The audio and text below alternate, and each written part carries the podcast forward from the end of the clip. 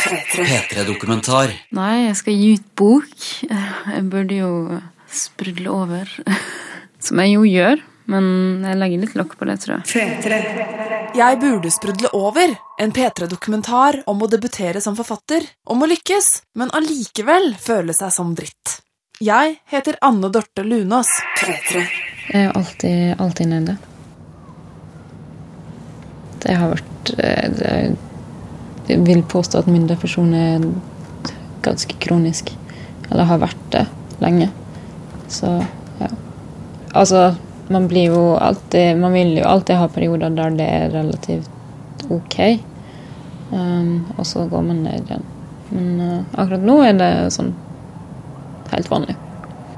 På en benk i Sandviken med utsikt over hele kalde, eksosstinkende Bergen sitter Charlotte. Hun er 24 år og har sånne store hull i ørene, vet du. Hun har også hipp sveis og er svartkledd fra topp til tå. Om to uker skal Charlotte debutere som forfatter. Da skal hun få boka i hånda for første gang.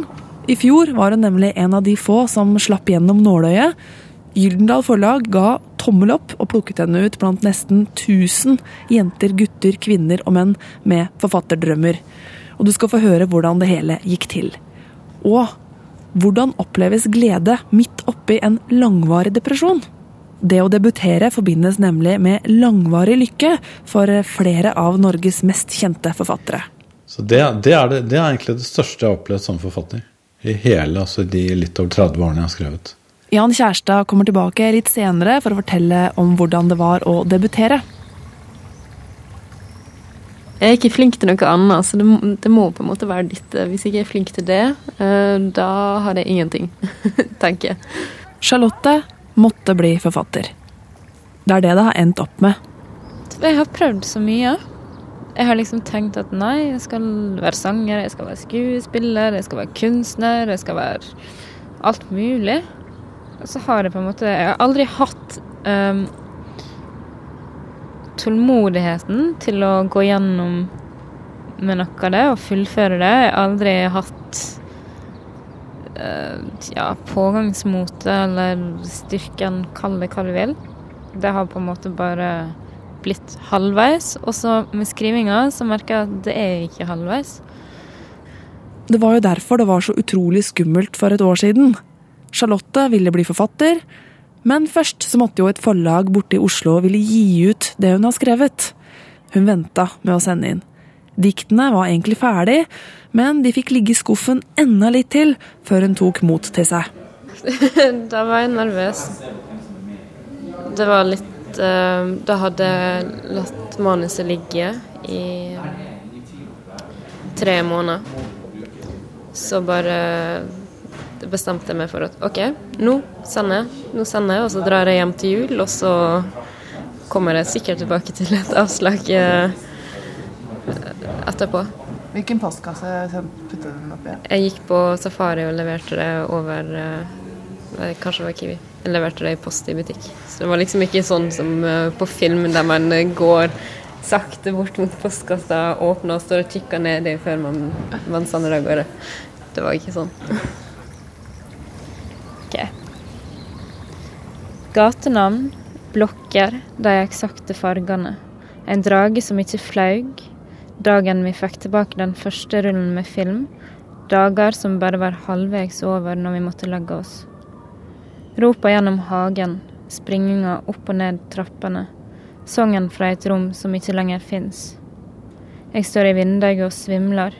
Står der og holder kjeft om snøen som faller i hagen.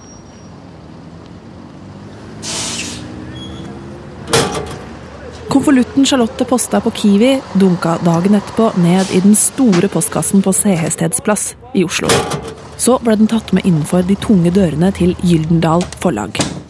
Noen rev av konvolutten og la diktene i en allerede stor bunke med tekster av alle slag. Og så ble bunken båret oppover i etasjene. Til redaktørene. Noen av dem unge og strenge, andre gråhårede og strenge de fleste med briller. Den høye papirstabelen balanseres nå inn på et lite rom med bokhyller. Den slippes med et klask ned på bordet. Og der ligger diktene til Charlotte og venter, mens hun rigger seg til for å feire jul hjemme i Ålesund. Hun forberedte seg på å få standardmailen de aller fleste får. Tusen takk for henvendelsen, vi har lest diktene dine, og det er dessverre ikke noe for oss. Lykke til videre! Det, altså, den tenkte jeg kom. Det hadde vært et nederlag, tror jeg. Hadde, hadde ikke gitt opp med det første. For nå traff jeg blink ganske fort. Men det kunne jo gått andre veien. At jeg ble refusert av alle. Men snart kommer beskjeden som kan endre liv. Til Charlotte. Hun bare vet ikke selv ennå, der hun sitter mellom juletreet og sjokoladeskåla. Man, man forbereder jo seg på det verste. Vi kan jo høre med noen kjente norske forfattere om hva man kan vente seg. Alle har jo debutert en gang. Jan Kjærstad, for eksempel. Han har vunnet Nordisk råds litteraturpris, gitt ut 19 bøker og blitt lest av mange etter hvert. Men han husker følelsen som oppsto da han fikk vite at han hadde blitt antatt. I mars 1980 så var jeg i den, en av de største høyblokkene i Norge. En av de fire svære som du ser fra Trondheimsveien når du kjører ut av Oslo, eh, på Ammerud. Og bodde i sjuende etasje der, i min første ettroms leilighet. Og fikk da en telefon. En grå telefon, husker jeg. Og da var det da eh, hun som var da sjef, altså hovedkonsulent på Aschehoug, ringte og sa at jeg var antatt. Så det, det, er det, det, er egentlig det største jeg har opplevd som forfatter. I hele altså de litt over 30 årene jeg har skrevet.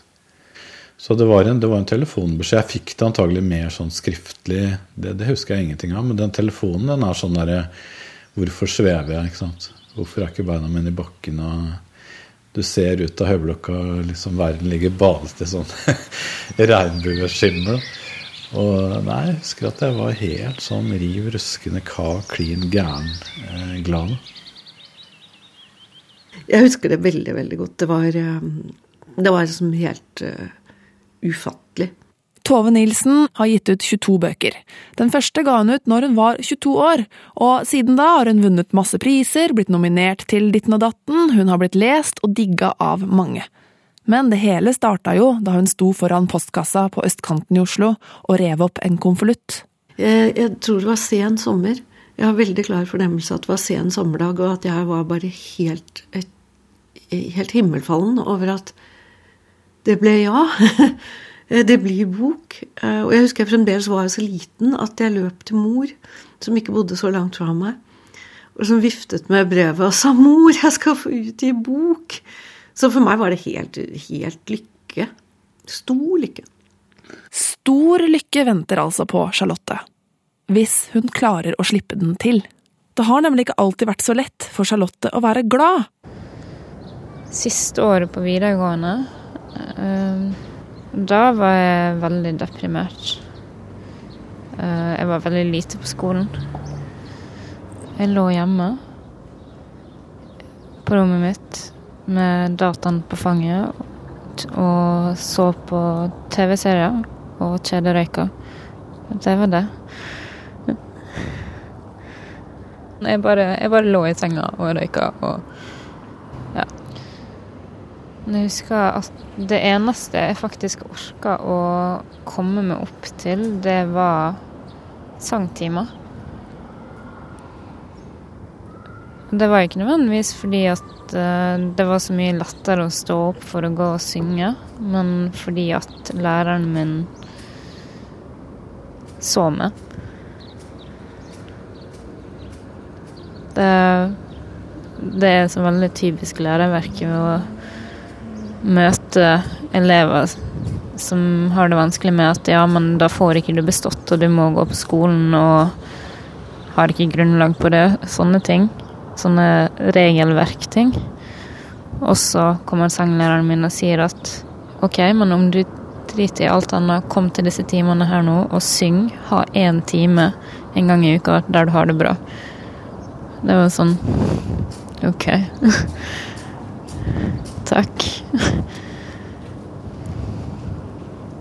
Så det Da hadde det tungt.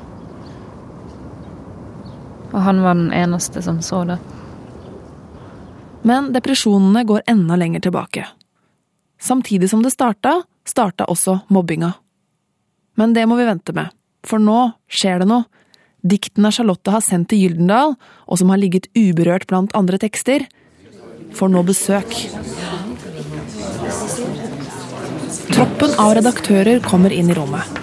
De setter seg på de fancy, litt vonde stolene og fordeler bunken mellom seg. Nå skal det letes etter gull.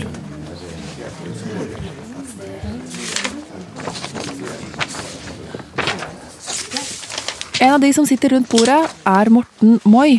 Briller, grått hår, snilt ansikt og streng når det kommer til litteratur. Vi sitter rundt bordet og sender om jeg var den som så det først og sa ah, men her er det noe, eller om det var en av kollegene mine. Det kan jeg rett og slett ikke huske her jeg sitter nå. Det er litt over et år siden vi fikk manuset hennes inn på, på pulten vår, holdt jeg på å si.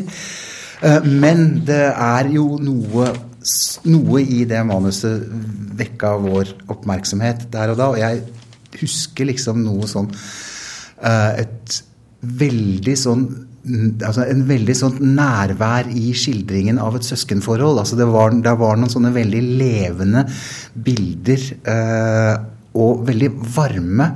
Og på mange måter glade bilder av søskenkjærlighet, samtidig som det var lett å se at det lå et stort og alvor under. Altså sånn, og det skinte igjennom i de tekstene umiddelbart. Søstera mi forsvinner bit for bit innover byen. Langs elva om morgenen. Hun sykler. Det er høst, og trærne er de samme overalt. Hun parkerer på den vante plassen, kjenner trikkene att hvor de skal. Er der, helt til hun står framfor Dikmanski etter stengetid og ikke aner hvor hun skal gå. I brevet hjem står det 'Jeg savner deg, søster'. Jeg savner deg, søster, jeg minnes da du var lita, huda di rosa og mjuk. Jeg sa du var mi og låste mamma ute av leiligheta. Vi spilte piano, jeg tok det på fanget og jeg husker hendene dine. De var så små under mine, de spilte kun tangentene bestemor hadde teipa, med navnelapper. Om jeg skulle høyt det for meg nå, ville det blitt sommer i Bess sin hage. Jeg tror kanskje jeg var litt hysterisk. og hadde kjempehøy puls og ringte kjæresten min med en gang. Men jeg greide ikke å forklare hva som hadde skjedd. Så jeg bare 'Jeg har fått mail fra Gyldendal! Jeg har fått mail fra Gyldendal!' Han bare 'Hæ?' Hva sier de? Men, nei, jeg vet ikke, jeg vet ikke. Sånn var jeg da. Det var Satt mamma og pappa opp og ved siden av meg og skjønte ingen verdens ting. Jeg var hjemme hos mamma og pappa i Ålesund. Det var på kvelden, så vi satt på stua og så på TV. Det var jul, var det ikke det? Ja, det var to dager før julaften. Og da hadde jeg hatt uh, besøk tidligere på dagen. Vi, um, da sjekka jeg mailen min sånn litt før jeg fikk besøk. Og så dro vi til byen og satt på kafé og var der hele dagen. Så jeg sjekka ikke mailen min før uh, seint på kveld. Da så jeg at jeg hadde fått en mail fra Morten Moi klokka ja, rundt halv ett. Da var jeg fortsatt hjemme. Jeg hadde ikke dratt til byen ennå. Så den hadde ligget i innboksen min hele dagen uten at jeg visste om det. Da sto det at um, nå hadde de lest manuset mitt med stor interesse i redaksjonen på Gyllendal. Og at de ville uh, sende det til konsulent, og at de var svært, svært positive så det var Da greide jeg ikke å si noen ting. Jeg bare satt der nå og var helt uh... Ja, nei, hun var vel ganske høy. Vi har gått de få skrittene hjem til Charlotte. Kjæresten og samboeren hennes har kommet hjem. Han heter Joakim og skriver, han også. De to gikk på Skrivekunstakademiet sammen for to år siden, og leste og evaluerte hverandres tekster hver uke. Når var det dere ble sammen? Det var jo på Skrivekunstakademiet. La dere merke til hverandre eller til tekstene til hverandre først? Nei, det var vel eh, hverandre, får jeg håpe. Ja, ifølge Joakim så En av de første tingene han la merke til eh, med meg, var at um, det måtte være noe galt med meg siden jeg har store hull i ørene. Ja. Vi satt jo aldri sammen eller noe sånt Nei. på skolen. Det var ikke sånn at dere plutselig begynte å, å skrive sånne forelska tekster begge to? jo. Jeg tror det var et ja. Det må ha vært bare du. Joakim og Charlotte har hatt gleden av å debutere nesten samtidig, og har derfor opplevd denne crazinessen sammen. Men det var jo hun som var først ute med å bli antatt. Ja, så jeg var jo litt misunnelig. Men det ordna seg ganske fort for min del også, så Fikk du også e-post, eller? ja. Jeg fikk den veldig raskt, også. Jeg fikk den etter nesten en liten uke. Så fikk jeg e-post. Og da ringte du til henne? Nei, hun satt vel her. så ja. Hva Ja. gjorde dere? Hoppa dere rundt i sirkel i stua, eller? Vi gikk vel og kjøpte champagne. Eller Ja, var det Eller drakk vi oss full? Ja. det var enten cava eller champagne, for jeg husker vi feira ganske mye på, i begynnelsen av året i fjor. Jeg tror vi feira tre ganger på ganske kort tid med forskjellige folk. Hva sier to eh, forfa nye, nyslåtte forfattere til hverandre? Nei, Jeg tror ikke vi sa så mye. Ja. Nei. Tenk at vi kan ha glemt det her. Men gleden, den ga seg. Etter å ha vært i lykkerus sammen med kjæresten og feira med sjampis minst tre ganger, så gikk det rett ned igjen. Jeg, jeg føler at, at mine sånne lette topper er ganske lave. Toppen er lave. Nei, toppene mine kan være veldig høye også, men de varer veldig kort. eh, så det går så fort ned igjen. eh, mens det på en måte det negative får liksom bare dure og gå på samme kurve hele tida. Eh, energien og lysten til å gjøre ting er fraværende. Det er et ork å stå opp. Man har ingenting å stå opp for. Så jeg gjør ikke så veldig mye. Jeg sitter her og bare Ja. Her i sofaen. Eller i stolen der, eller Ja. Kanskje lese hvis jeg orker, men jeg sitter egentlig bare og er hjernedød foran dataen hele dagen. Orker ikke å gå ut, vil ikke treffe folk og Hvordan har det å gi ut bok påvirka det at du har vært mye deprimert lenge, og nesten kronisk? Det vet jeg ikke om det påvirker i det hele tatt.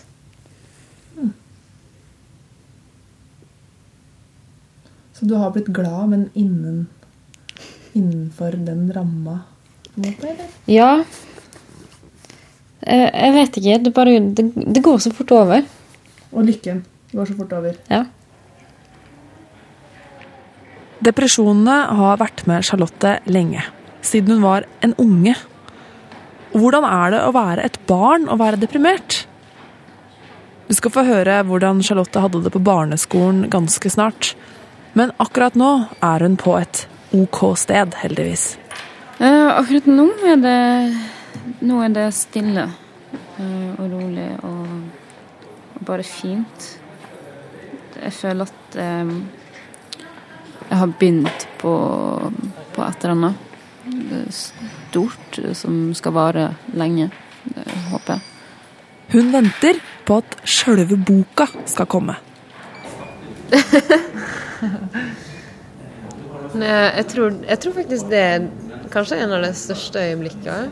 Det å, å, å få den i hånda og gå og se den i butikken og Ja. Kommer du til å gå på biblioteket og liksom låne den? Og... Sånn at den skal bli lånt, eller? Nei, men sånn, jeg ser jo at uh, kjæresten min gikk jo innom Jeg hadde liksom ei fast runde han gikk når i de tidene boka skulle komme i butikken. Gikk han innom faste bokhandlere for å se om den var kommet. Og til slutt så skjønte jo butikkbetjeninga at han leita etter sin egen bok, ble jo ferska i leter etter sin egen bok.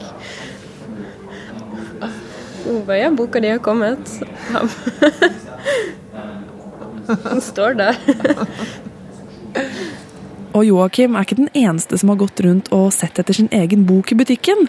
Det er visstnok ganske vanlig blant nyslåtte forfattere. Og det å få boka i hånda for første gang er også forbundet med stor lykke, hvis du spør de kjente forfatterne våre. En ung Anne B. Ragde, f.eks. Eh, det husker jeg. Jeg husker omtrent hva jeg hadde på meg av klær når den, første, når den boka, førsteeksemplaret, kom i posten. altså. Det var bare helt hysterisk gøy. Det var, det var stort. altså. Hva hadde du på deg? Jeg hadde på meg noen sånne stygge klær, så jeg tenkte jeg har på meg altfor noen stygge hverdagsklær. Jeg burde hatt på meg noe ordentlig fint når jeg skulle åpne opp den pakken her. Er dette dagen Charlotte skal sprudle over? Kommer hun til å huske hva hun har på seg i dag? En grå lammullsgenser, forresten. For i dag er det Charlotte som får boka si i posten. De har en eh, gammeldags brevsprekk i døra bare for å gjøre det ekstra spennende. Boka kommer til å dumpe inn der. Og boka har allerede fått reservert plass i bokhylla, der kjæresten sin bok også står. Eh, jeg gleder meg. Jeg gleder meg veldig til å ha den boka i hånda og sette den i eh, i bokhylla sammen med det, alle de andre diktsamlingene jeg har. For det skal jeg gjøre. Vi venter på boka og på et lykkekick. Mens vi venter, så skal vi helt tilbake til begynnelsen, da det begynte å bli vanskelig å være glad. Jeg husker at eh, jeg alltid grudde meg så veldig til å gå på skolen. Det, det var det verste som, som fantes. Eh, Så det var ofte jeg ikke gikk på skolen. Um, Jeg pleide å stå opp om morgenen, eh, og så lata jeg som, eh, som jeg skulle gå på skolen. Så tok jeg sykkelen min, og så trilla jeg den borti et slags eh, lite skogholt like ved der jeg vokste opp. Og så satt jeg der til jeg visste at mamma hadde tatt bussen til jobb. Og da gikk jeg hjem og lå på sofaen under dyna. Så du begynte å bli deprimert allerede når du var ti år? Mm. Det gjorde jeg. Hva husker du fra den tida da? Svært lite. Det var et såkalt elendig miljø i klassen til Charlotte. Mange sterke personligheter eh, heter det også, men det er jo fristende å bare skjære gjennom og si at det var noen skikkelig drittunger der. Uansett hvordan man formulerer seg, de gikk utover Charlotte. Men hun husker lite konkret av mobbinga. Det er det som er. Jeg husker nesten ingenting. Jeg husker sånn få utvalgte situasjoner. Og resten er liksom bare ord som har blitt gjentatt og gjentatt og gjentatt.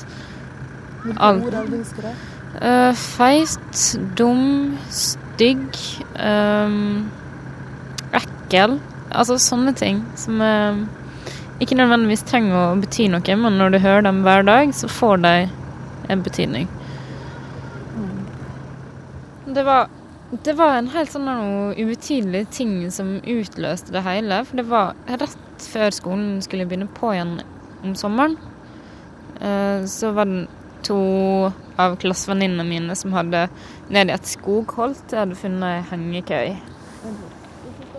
Ja, de hadde funnet ei hengekøy i sånn, i et skogholt. Den var kjempestor og plass til mange.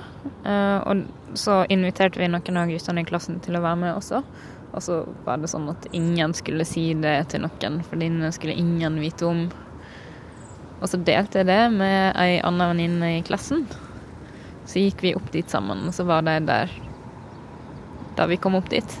Og da hadde jeg tydeligvis gjort eh, ja, kardinalsynd eller et eller annet. Um, så da ble en av guttene i klassen sendt for meg, og han skulle banke med. Og da fikk han jo for seg at han skulle banke med hver dag. Og, og da var det sånn Da gikk de av en eller annen merkelig grunn, de som på en måte var lederne for mobbinga, sammen om at ingen andre i klassen skulle få lov til å snakke med meg. Så eh, når jeg gikk ut på kvelden for å ringe på hos andre i klassen og spørre om de ville være der med meg og finne på noe, så var det nei, jeg kan ikke fordi den og den har sagt at uh, får ikke lov. Og sånn var det hos alle. De hadde liksom et slags vaktsystem. Det er bare helt sykt å tenke på nå. Altså, de må jo ha vært seg bevisst et eller annet. Og så nå, når jeg sitter og forteller det her, så føler jeg meg bare så utrolig slem. Som om det er jeg som gjør noe galt. Og det er bare helt feil. Og Sannsynligheten er at ingen av dem kommer til å høre på det her likevel. Kanskje blir man en bedre forfatter av å være utafor når man er liten. Det blir i alle fall flere timer alene på jente- eller gutterommet. Og Charlotte har alltid holdt på med sine egne ting. Nei, altså til tross for at jeg har hatt få, få venner på barneskolen, og at jeg har hatt mye motstand eh, både på barneskolen og på ungdomsskolen, så har jeg på en måte bare Jeg har holdt på med mitt. Jeg har eh, stått på scenen og opptredd og eh, ja, gitt faen, rett og slett i Altså, jeg skal ikke si at jeg aldri har gått hjem og grene fordi jeg har fått uh, høre det etter jeg har opptrådt uh, fra folk som ikke har likt meg.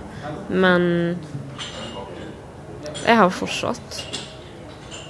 Er det sånn at man på en måte kan skrive av seg litt sorg og smerte når man vokser opp? Ja, det tror jeg. Og jeg tror nok at uh, jeg har gjort det.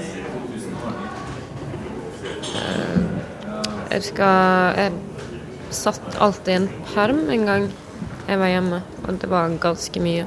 Det var en tjukk ringperm overfylt med skribleri.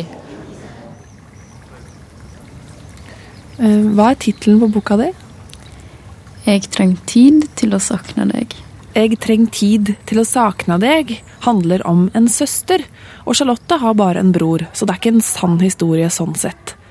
I boka skjer det noe med søstera, som etterlater jeg-personen i en veldig mørk tilstand.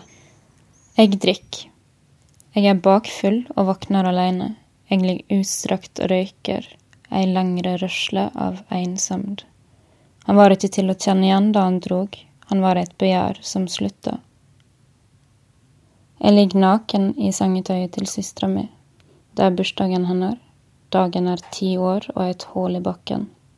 Han tok meg her. Han tok meg i alt dette. Jeg ringer han og sier la oss dra. Her har jeg aldri bodd. Det er mandag. Det er sol i Bergen by. Forfatteren sjøl er litt rød i kinna i dag, for nå er boka her. Charlotte har lagt den på bordet i den ryddige stua si. OK. Da skal jeg åpne pakken.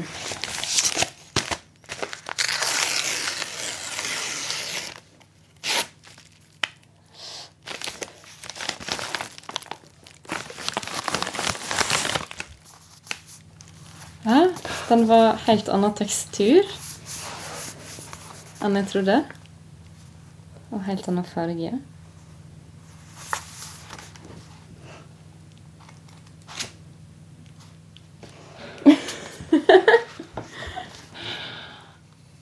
Å, oh, det her er rart. Ikke så rart, det. Men den er fin. Er ikke den det? Det her er over to år med arbeid. Det er rart. Gratulerer. Takk. wow. Nå er det på en måte fullført. Nå er det ferdig.